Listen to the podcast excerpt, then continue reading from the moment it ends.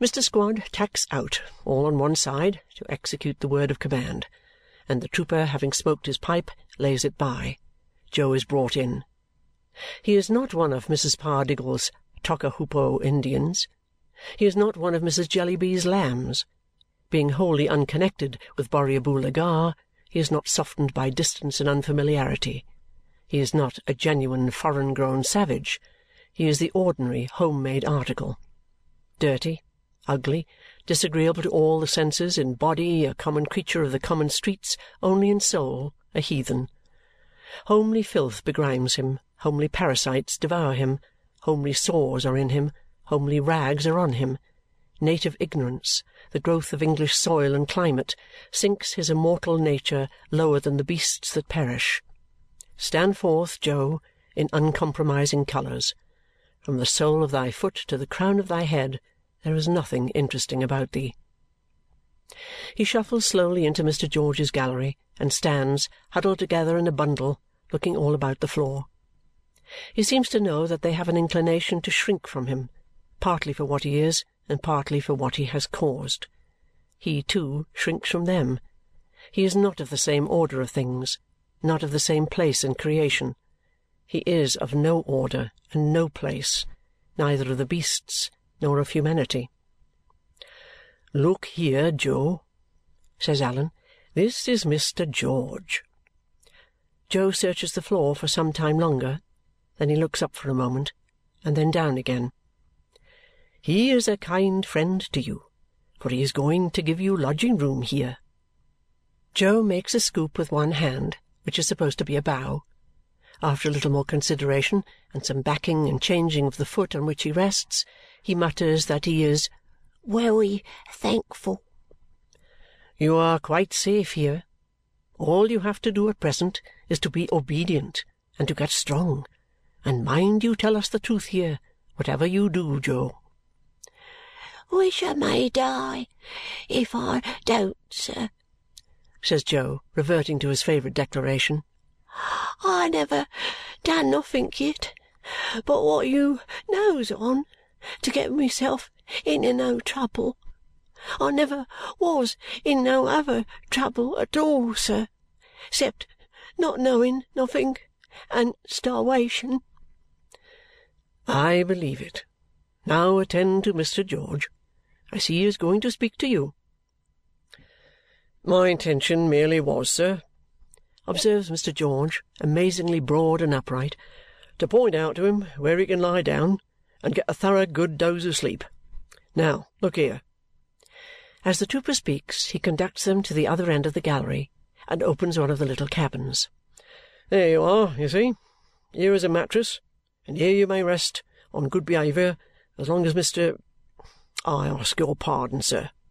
He refers apologetically to the card Allan has given him. "Mr. Woodcourt pleases. Don't you be alarmed if you hear shots. They'll be aimed at the target and not at you. Now, there's another thing I would recommend, sir," says the trooper, turning to his visitor. "Phil, come here." Phil bears down upon them according to his usual tactics. "Here is a man, sir, who was found, when a baby, in the gutter. Consequently, it is to be expected that he takes a natural interest in this poor creature. You do, don't you, Phil?" "Certainly and surely I do, guv'ner," is Phil's reply.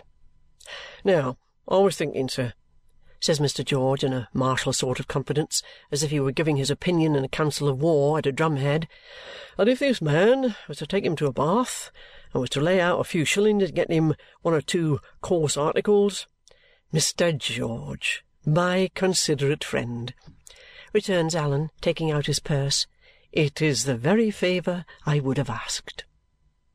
Phil Squod and Jo are sent out immediately on this work of improvement. Miss Flite, quite enraptured by her success, makes the best of her way to court, having great fears that otherwise her friend the Chancellor may be uneasy about her or may give the judgment she has so long expected in her absence, and observing, "Which you know, my dear physician and general, after so many years would be too absurdly unfortunate." Allan takes the opportunity of going out to procure some restorative medicines, and obtaining them near at hand, soon returns to find the trooper walking up and down the gallery and to fall into step and walk with him. "I take it, sir," says Mr. George, "that you know Miss Summerson pretty well." Yes, it appears. Not related to her, sir? No, it appears.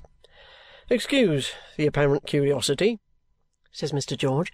It seemed to me probable that you might take more than a common interest in this poor creature because Miss Summerson had taken that unfortunate interest in him. 'Tis my case, sir, I assure you. And mine, Mr. George. The trooper looks sideways at Allan's sunburnt cheek and bright dark eye, rapidly measures his height and build, and seems to approve of him. Since you've been out, sir, I've been thinking that I unquestionably know the rooms in Lincoln's Inn Fields where Bucket took the lad, according to his account. Though he is not acquainted with the name, I can help you to it. It's Tulkinghorn. That's what it is. Allan looks at him inquiringly, repeating the name. Tulkinghorn. That's the name, sir.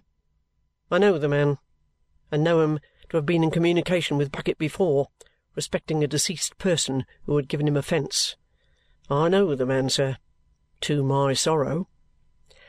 Allan naturally asks what kind of man he is. What kind of man? You mean to look at? I think I know that much of him. I mean to deal with. Generally, what kind of a man?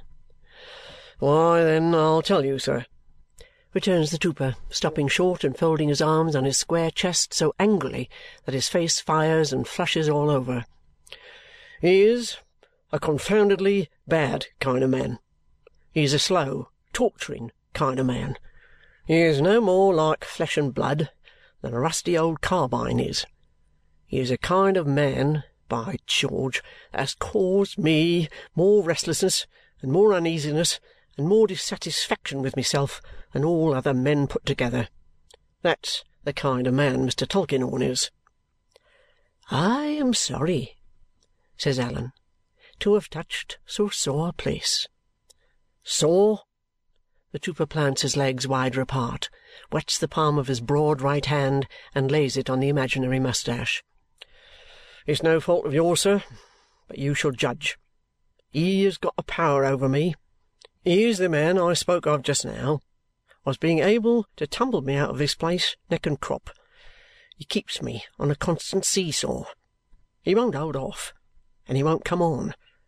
If I have a payment to make him, or time to ask him for, or anything to go to him about, he don't see me, don't hear me, passes me on to Melchisedech's in Clifford's Inn. Melchisedech's in Clifford's Inn passes me back again to him he keeps me prowling and dangling about him as if I was made of the same stone as himself. Why, I spend half my life now pretty well loitering and dodging about his door. What does he care? Nothing.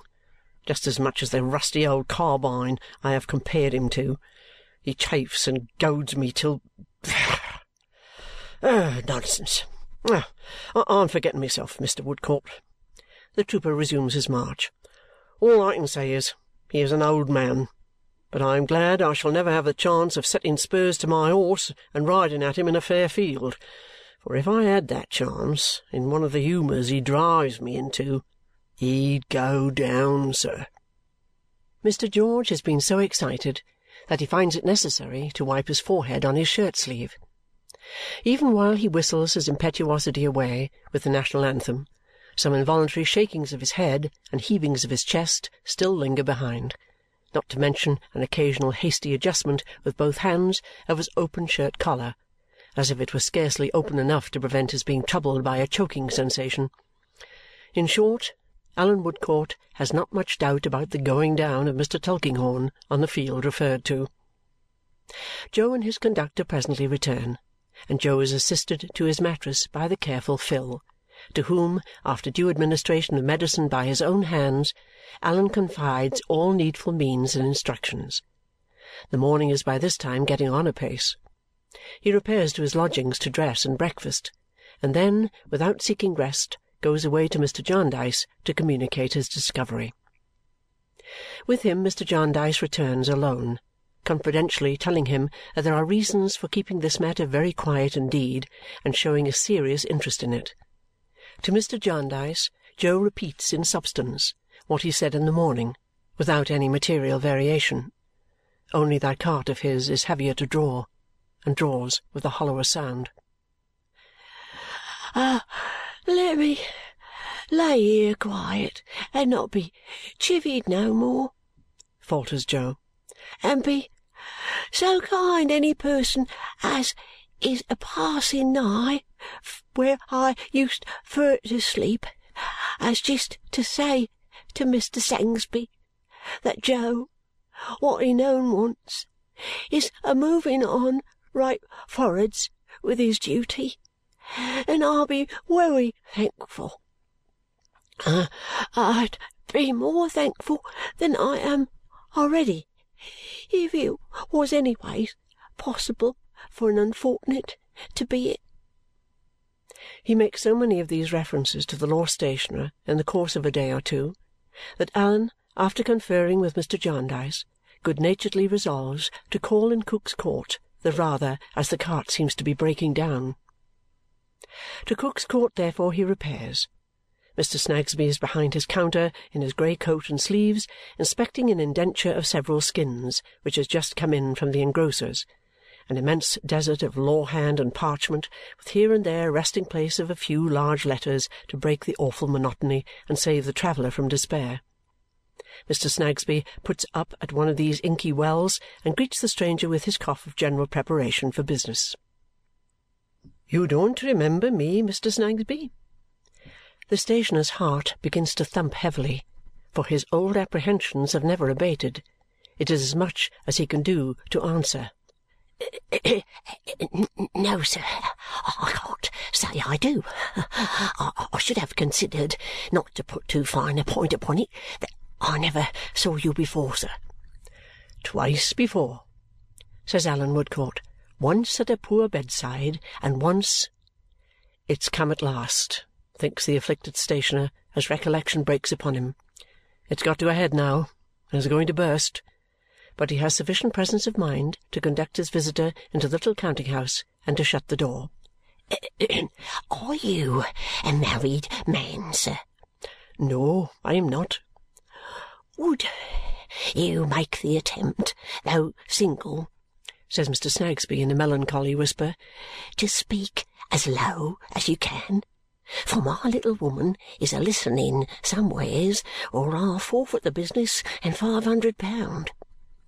In deep dejection, Mr. Snagsby sits down on his stool with his back against his desk, protesting, "I never had a secret of my own, sir.